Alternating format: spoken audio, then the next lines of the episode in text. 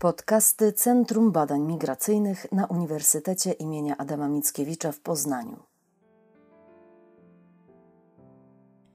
Zapraszam Państwa do współudziału w spotkaniu z profesor Izabelą Main oraz z profesor Elżbietą Goździak. Profesor Izabela Main jest historyczką, antropolożką, która pracuje w Instytucie Antropologii i Etnologii na Uniwersytecie imienia Adama Mickiewicza w Poznaniu. Jest też dyrektorką Centrum Badań Migracyjnych, która zajmuje się migracjami, antropologią medyczną, pamięcią, przeszłością. Profesor Goździak jest związana z Uniwersytetem Georgetown w Waszyngtonie, jest profesorem wizytującym na Uniwersytecie imienia Adama Mickiewicza w Poznaniu, antropolog, badacz migracji zajmująca się migracjami dzieci, handlem ludźmi, medykalizacją cierpień ludzkich. Spotkanie z Izabelą Main oraz z Elżbietą Goździak dotyczy projektu, projektu Mobilne Życie, a nie Mobilne Przestrzenie, migracje kobiet między Polską a Norwegią. Profesor Izabela Main oraz profesor Elżbieta Goździak opowiedzą Państwu, w jaki sposób badać migrację, jaki jest teren, do kogo należy, jaką posiada specyfikę w kontekście badań migracyjnych, a także dowiedzą się Państwo o wadze budowania zespołu badawczego. Serdecznie zapraszam.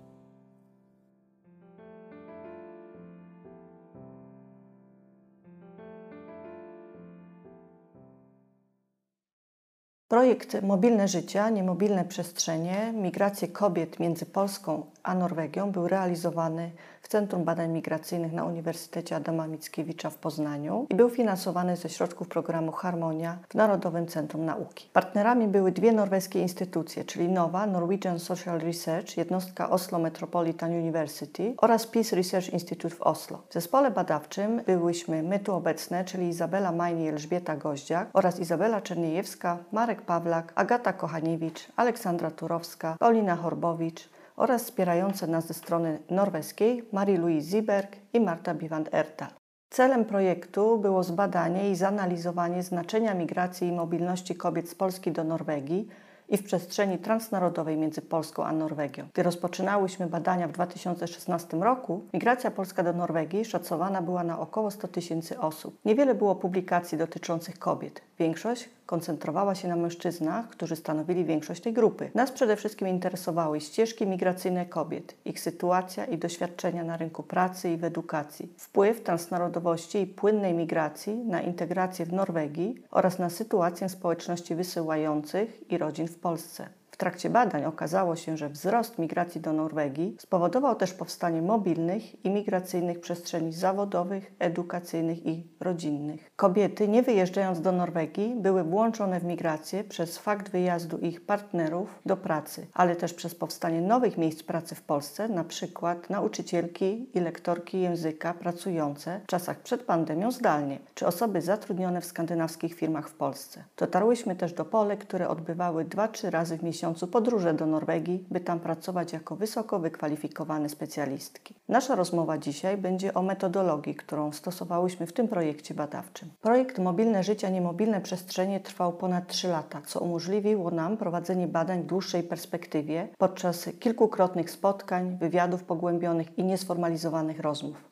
Taka metoda pozwala nam na poznanie i zrozumienie zmian w czasie oraz pogłębienie relacji z rozmówczyniami w celu uzyskania materiałów o charakterze pogłębionym. Z większością rozmówczyń spotkałyśmy się tylko raz, ale z kilkunastoma osobami utrzymywałyśmy kontakt przez kilka miesięcy czy wręcz lat. Z powodu pracy na uniwersytetach byłyśmy w Norwegii głównie w ciągu lata, zatem do rozmówczyń powracałyśmy po roku. Jednak wyjazdy do Norwegii w celu udziału w spotkaniach zespołów, konferencjach umożliwiały nam wielokrotne powracanie w teren badawczy. Kolejne obserwacje obserwacje i rozmowy. Było to tym bardziej ważne, że gdy analizowałyśmy dane zebrane na początku, pojawiały się kolejne pytania i tematy badawcze. Dużo zmian na przykład wprowadzała możliwość obserwacji, jak inaczej funkcjonują Polki i ich rodziny w różnych porach roku. Część z nich wakacje spędzała u rodzin w Polsce, zaś to jesienią czy zimą mogłyśmy pójść z nimi odebrać dzieci z przedszkola czy szkoły. Wreszcie z częścią rozmówczyń utrzymywałyśmy kontakt za pomocą mediów społecznościowych, czy spotykałyśmy się zarówno w Norwegii, jak i w Polsce. Dwu, trzyletni kontakt umożliwił też obserwację zmiany w sytuacji w rodzinach. Przykładowo jedna z rozmówczyń dwukrotnie zmieniła pracę w trakcie kontaktu i ta sytuacja dawała nam świetny wgląd w jej motywację do zmiany, pierwsze wrażenia w nowej pracy, porównywała relacje między współpracowniczkami, opowiadała o różnych sytuacjach, o tym jak był inny wystrój biura nowych miejscach pracy. Wywiady i obserwacje uczestniczące to przysłowiowy chleb powszedni w antropologii. Jednak coraz częściej antropolodzy stosujący metody mieszane posiłkują się także ankietami. W wydaniu antropologicznym ankieta to nie jest jedyne źródło danych, ale raczej jedno z wielu źródeł informacji. Badacze używają ankiet w różnych punktach projektu badawczego. Nie ma reguły na początku, w trakcie prowadzonych badań lub na końcu. W przypadku naszego projektu sporządziliśmy ankietę na początku projektu, aby po pierwsze zmapować sytuację migrantek, wyłowić wstępne wątki badawcze. Ale nasza ankieta także miała bardzo pragmatyczny cel, a mianowicie zidentyfikowanie potencjalnych uczestniczek badań. Oczywiście zdawałyśmy sobie sprawę, że ankieta wrzucona do internetu ma swoje ograniczenia. Dociera do osób z dostępem do komputera, piśmiennych, przyzwyczajonych do wypełniania ankiet lub innych formularzy tą właśnie drogą. Niemniej jednak ta strategia docierania do pierwszych potencjalnych uczestniczek naszego projektu badawczego badawczego okazała się niezwykle owocna. Ankiety internetowe pozwalają naukowcom dotrzeć do uczestników mieszkających w odległych częściach świata. Dzięki tej ankiecie dotarliśmy do znacznie większej liczby Polek mieszkających w różnych e, częściach Norwegii i tych, które wróciły do Polski, niż moglibyśmy się skontaktować osobiście. Ankieta została rozesłana w różne miejsca: media społecznościowe, internetowe społeczności diasporyczne, poprzez osobiste kontakty z Polkami, a także z badaczami badającymi Polaków i Polki w Norwegii. Ankieta była dostępna wyłącznie w języku polskim. 485 kobiet odpowiedziało na ankietę, co na badania etnograficzne jest dużą liczbą uczestniczek. Ankieta zawierała podstawowe pytania demograficzne, pytania dotyczące motywacji do wyjazdu do Norwegii. Ponieważ głównie interesowała nas mobilność, pytaliśmy również, czy kobiety mieszkały w innych krajach przed przyjazdem do Norwegii, gdzie pracowały, w jakim stopniu znały język norweski. Kwestionariusz zawierał zarówno ankietę wielokrotnego wyboru, jak i częściowo ustrukturyzowane pytania, które pozwalały na krótkie odpowiedzi narracyjne. Ankieta była oczywiście anonimowa, jednak te panie, które chciały uczestniczyć w badaniach pogłębionych, musiały wskazać na sposób kontaktu z nimi. Niektóre panie podawały numery telefonu, ale większość, o ile dobrze pamiętam, dzieliła się z nami adresami mailowymi. Nie tylko wiele z pań miało ochotę na wzięcie udziału w projekcie, ale także kulą śniegową nakierowały nas do innych Polek wiodących transnarodowe życie między Polską a Norwegią. Emigrantek, które osiedliły się na stałe w Norwegii oraz do członków swoich rodzin. Jak wspominała pani Izabela, badaliśmy nie tylko mobilne kobiety, ale także członków ich rodzin, którzy nigdy nie migrowali, aby spojrzeć na efekty migracji kobiet, na ich rodziny, na partnerów, na pozostawionych w Polsce rodziców, rodzeństwo, a czasem także nawet starszych dzieci. Opublikowaliśmy wyniki ankiety w artykule From Going Abroad to Settling Down While Remaining Mobile. Polish Women in Norway Narrate Their Migration Experiences, który ukazał się w periodyku Nordic Journal of Migration Studies.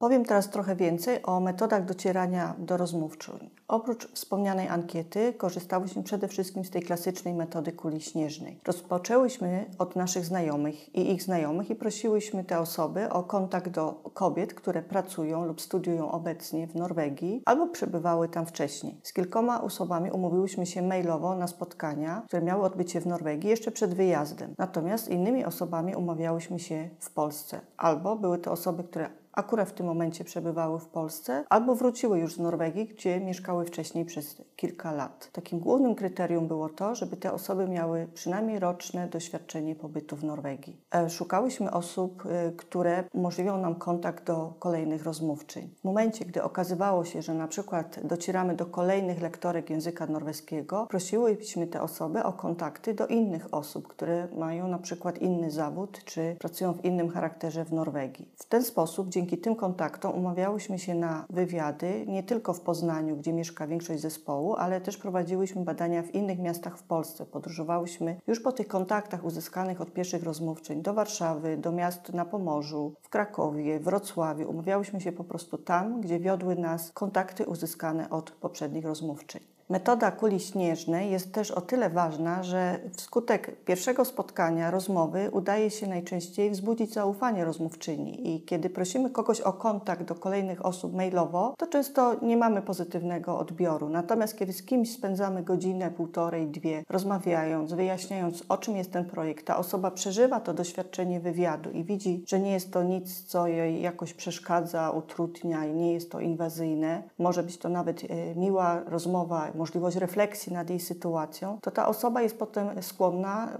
udzielić, dać nam takiej informacji, dając nam kontakty do kolejnych osób, numery telefonów czy e-maile. Czyli w ten sposób, wzbudzając to zaufanie, możemy dotrzeć do kolejnych rozmówczyń. Oczywiście czasem jest tak, że uzyskujemy tylko jeden kontakt, czasem natomiast tych kontaktów jest kilkanaście. To, że uzyskaliśmy te kontakty, nie znaczy, że te kolejne rozmowy się odbędą, bo część z tych osób może nie mieć czasu czy ochoty się z nami spotkać. Natomiast w ten sposób stale rozszerzamy sobie grono rozmówczyń. Naszym celem było uzyskanie informacji od bardzo zróżnicowanej grupy badawczej, czyli celowo poszukiwałyśmy osoby w różnym wieku. Kiedy na początku docierałyśmy głównie do lektorek i do niedawnych absolwentek filologii skandynawskich, później celowo starałyśmy się dotrzeć do osób w wieku średnim czy starszym. Tak samo ważnym czynnikiem było to, jak długo przebywały w Norwegii kiedy okazywało się, że coraz częściej rozmawiamy z osobami, które są tam krótko, starałyśmy się szukać rozmówczyń, które wyjechały na przykład 20 czy 30 lat temu, aby poznać też ich doświadczenia. Kolejnym czynnikiem było wykształcenie, czyli początkowo docierałyśmy głównie do osób z wykształceniem wyższym,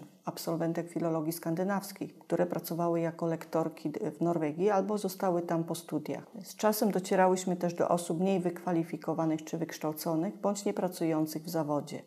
Ważne było też dla nas dotarcie do osób, które miały różną sytuację rodzinną, ponieważ to bardzo mocno wpływało na ich doświadczenie migracyjne. Przykładowo Polki, które miały partnerów czy mężów Polaków, y, zupełnie inaczej funkcjonowały rodzinnie i towarzysko w Norwegii niż osoby, które wyszły za mąż czy były związane z Norwegami. To bardzo mocno wpływało na ich krąg znajomych, na sposób zajmowania się dziećmi, jeśli takie były, na sposób spędzania wolnego czasu czy możliwości zawodowe.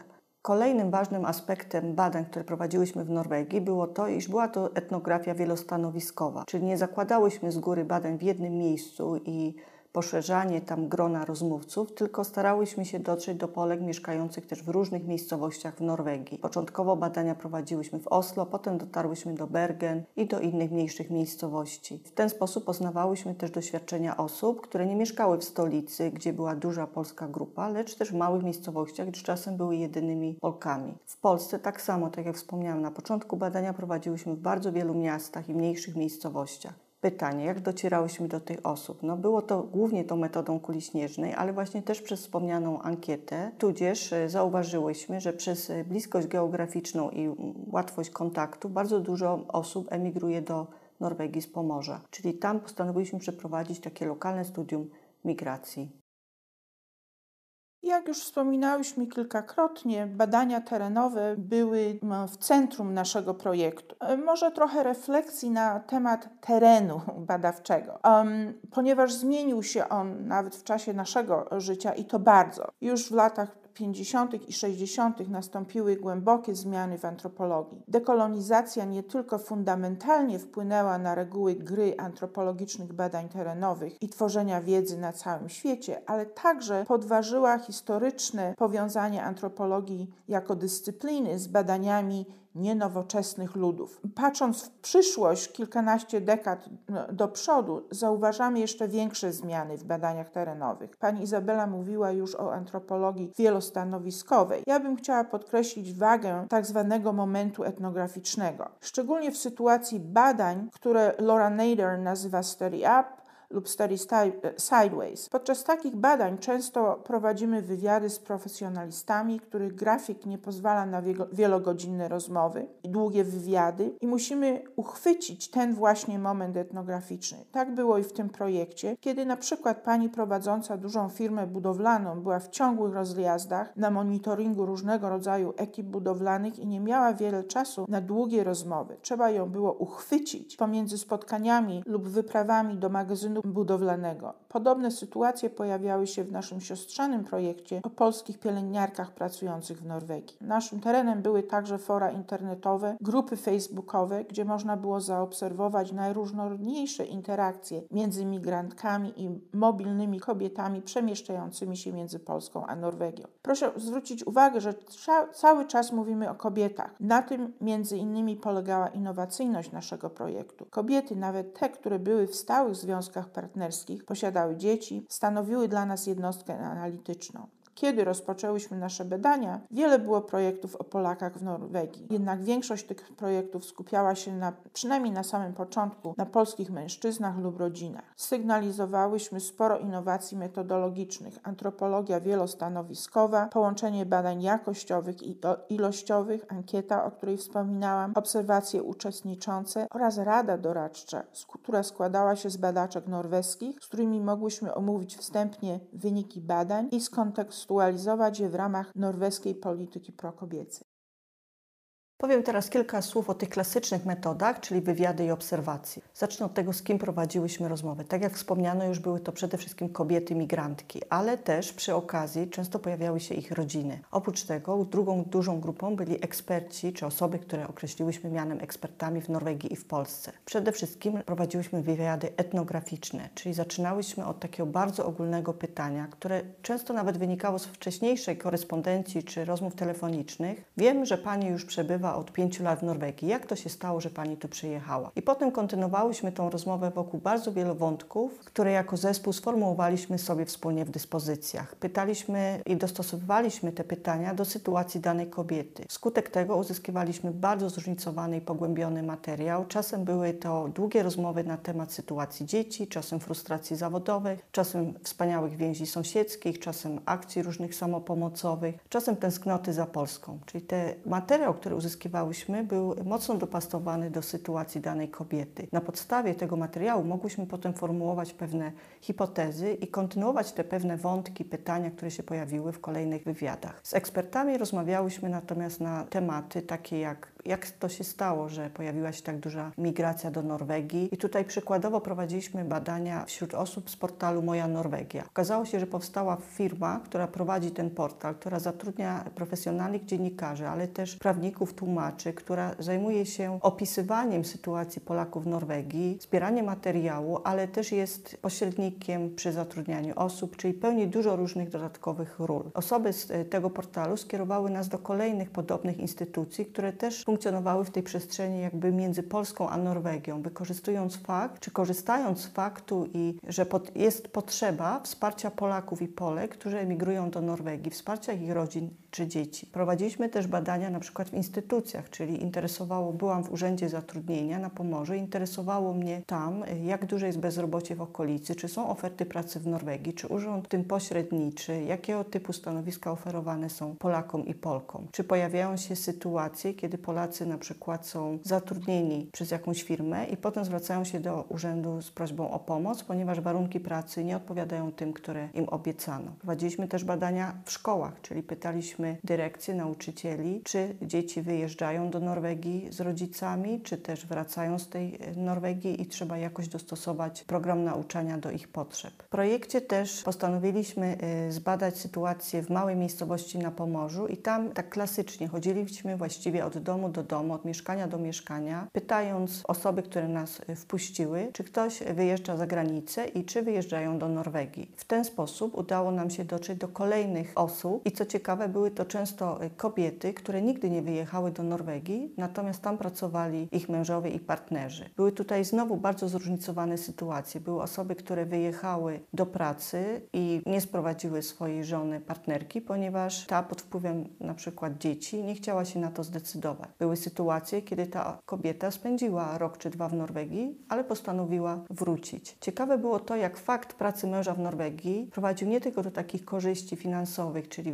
po prostu pieniężnych, ale też zmieniał sposób funkcjonowania rodziny, na przykład przez comiesięczne przyjazdy partnera i wtedy takie pseudo-wakacje, tak? kiedy dzieci nie chodziły do szkoły, kiedy cała rodzina spędzała czas razem, właściwie odczuwając, że tego czasu jest w tym momencie więcej na wspólne życie niż było przed wyjazdem tego męża do Norwegii. Zmieniało się też na przykład wyposażenie domu, zmieniał się sprzęt sportowy, który pojawił się w domu, czy ubrania, które dzieci nosiły. O to wszystko mogliśmy z jednej strony wypytać w wywiadach, ale też zaobserwować obserwować. I tutaj dochodzę do tego kolejnego wątku, czyli jak dużą rolę odgrywała w naszych badaniach obserwacja. Tak jak wspomniałam, była to obserwacja w rodzinach, czyli na wywiady umawialiśmy się bardzo często w domach rozmówczyń. I wtedy bardzo naturalnie y, pojawiała się rozmowa na temat właśnie tego wyposażenia, tych sprzętów przywożonych z Norwegii, czy potraw, które pojawiają się w domu. Bardzo ciekawe były oczywiście też wizyty w domach Polek w Norwegii. Zobaczenie, na ile są tam obecne elementy przywiezione z Polski w postaci obrazów, książek, dekoracji, czy wręcz mebli. Spotkałam się z sytuacją, kiedy jedna Polka opowiedziała mi, jak to z partnerem zdecydowali się, aby wesprzeć polskich wytwórców, przywieźć z Polski kuchnię, kafelki, bardzo dużo wyposażenia, co ekonomicznie sama mówiła nie miało sensu, natomiast dla niej było to bardzo wartościowe, bo jakby uważała, że ją na to stać, y, że w tym momencie chce się przysłużyć producentom w Polsce. Obserwacje prowadziliśmy nie tylko w rodzinach, byliśmy też, jak wspomniałam, w przedszkolach i w szkołach y, wraz z mamami, które odbierały tam dzieci po zajęciach. To też pozwalało nam zaobserwować interakcje tych kobiet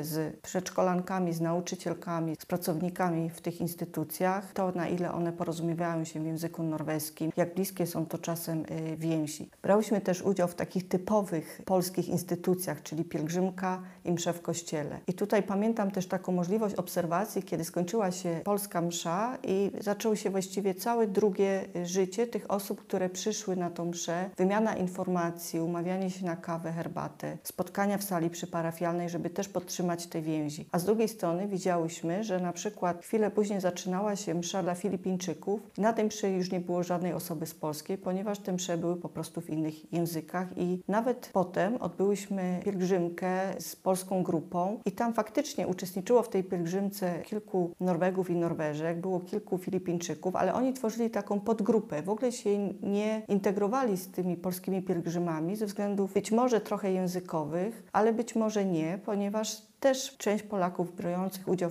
w tej pielgrzymce znało świetnie język norweski. Czyli tutaj ta religia nie była na przykład taką przestrzenią integracji z różnymi społecznościami w Oslo. Niektóre z wywiadów przeprowadziłyśmy też w miejscach pracy i te przestrzenie dały nam znowu kolejne pole do obserwacji różnych interakcji między pracownikami i pracowniczkami. W trakcie jednej z wizyt jedna z Polek pokazała y, mi w firmie przestrzeń, którą przygotowano dla dzieci pracowników na sytuację, kiedy są wakacje w szkole i wtedy w firmie przebywali pracownicy ze swoimi dziećmi, którym przygotowano specjalny pokój wypełniony zabawkami, trampolinami, grami planszowymi, mniejszymi meblami. To wszystko było dostosowane do tych dzieci. I z tego oczywiście wywiązała się naturalna rozmowa o tym, jak funkcjonują dzieci i dorośli, jak funkcjonują rodzice w społeczeństwie norweskim, jak ważne jest właśnie zapewnienie tej przestrzeni dla dzieci i to dla niej było, była pewna nowa rzeczywistość, którą ona widziała w Norwegii, a której nie doświadczyła w firmie w Polsce, gdzie pracowała pracowała przed wyjazdem. Czyli podsumowując, te wywiady i obserwacje często prowadzone były wspólnie. Jakby ta wiedza, którą pozyskiwałyśmy w trakcie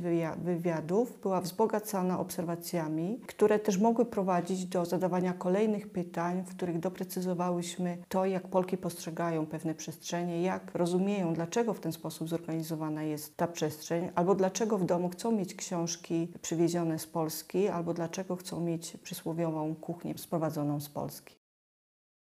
Ostatnia część naszej rozmowy mogłaby być zatytułowana Poza samotnym jeźdźcem współpraca w badaniach i pisaniu opracowań naukowych. Jeśli myślimy o klasycznych antropologach takich jak Bronisław Malinowski czy Margaret Mead, to oczywiście pamiętamy, że siedzieli w terenie samotnie, często przez wiele miesięcy lub nawet wiele lat. Jak już wspominałam, współczesny teren różni się bardzo od klasycznych badań terenowych. Podobnie jest ze współczesnymi badaczami. Współczesne badania antropologiczne prowadzone są często przez zespół naukowców, a nie przez samotnego badacza. Projekty zespołowe są chwalone i propagowane nie tylko w antropologii, ale także w innych naukach społecznych, podobnie jak projekty interdyscyplinarne i projekty posługujące się mieszaną metodologią. Łatwo jest jednak piać peany na temat prac zespołowych, ale trudniej je realizować w praktyce. Trzeba brać pod uwagę kwestie charakterologiczne. W badaniach zespołowych nie ma miejsca na indywidualne ego. Liczy się zespół, których członkowie muszą umieć współpracować i to dobrze. Mając za sobą wieloletnie doświadczenie w prowadzeniu badań etnograficznych, od samego początku, już na etapie pisania aplikacji grantowej, poświęciliśmy sporo uwagi i dyskusji, jaki miałby być ten nasz zespół, czego oczekujemy od członków zespołu i jak mielibyśmy ze sobą współpracować, zarówno w terenie, przy zbieraniu danych, jak i przy analizie zebranych informacji oraz przy publikacjach. Oczywiście profesjonalne formalne kompetencje były ważne, ale równie ważne były cechy osobiste. W większości członkowie zespołu prowadzili badania osobno, ale od czasu do czasu spędzaliśmy kilka tygodni pracując razem w dwuosobowych tandemach w Oslo lub w Bergen w innych miejscowościach. Umożliwiło nam to konfrontację wyzwań metodologicznych, omówienie i wstępną analizę wyników badań. Ja na przykład spędziłam kilka tygodni w Oslo z panem Markiem Pawlakiem. Już wtedy w terenie dyskutowaliśmy, jak zinterpretować i co opublikować na integracji Polek w Norwegii. Zachęcam Państwa do przeczytania artykułu, który opublikowaliśmy w periodyku Social Identities. Artykuł nosi tytuł Multiple Belongings, Transnational Mobility, Social Class and Gendered Identities Among Polish Migrants in Norway. Jest on owocem ścisłej współpracy między panem Markiem a mną. Jest także przykładem, jak można się dzielić materiałami, narracjami, danymi zebranymi przez różnych członków zespołu. Od początku wypracowaliśmy sposób archiwizacji, transkrypcji wywiadów i notatek z obserwacji uczestniczących, do których mieli dostęp wszyscy członkowie zespołu, bezwzględnie. Słuchaczom, szczególnie tym, którzy działają w naukach ścisłych, gdzie prace zespołowe są normą, może się to w tej chwili wydawać, to co mówię, może się wydawać bardzo trywialne. W antropologii, gdzie do dzisiaj niektórzy badacze używają pojęć takich jak moi informatorzy, mój teren, tego rodzaju ustalenia, podział danymi, dostęp do notatek kolegów i koleżanek oraz wspólne publikacje nie zawsze są mile widziane i wywołują spory.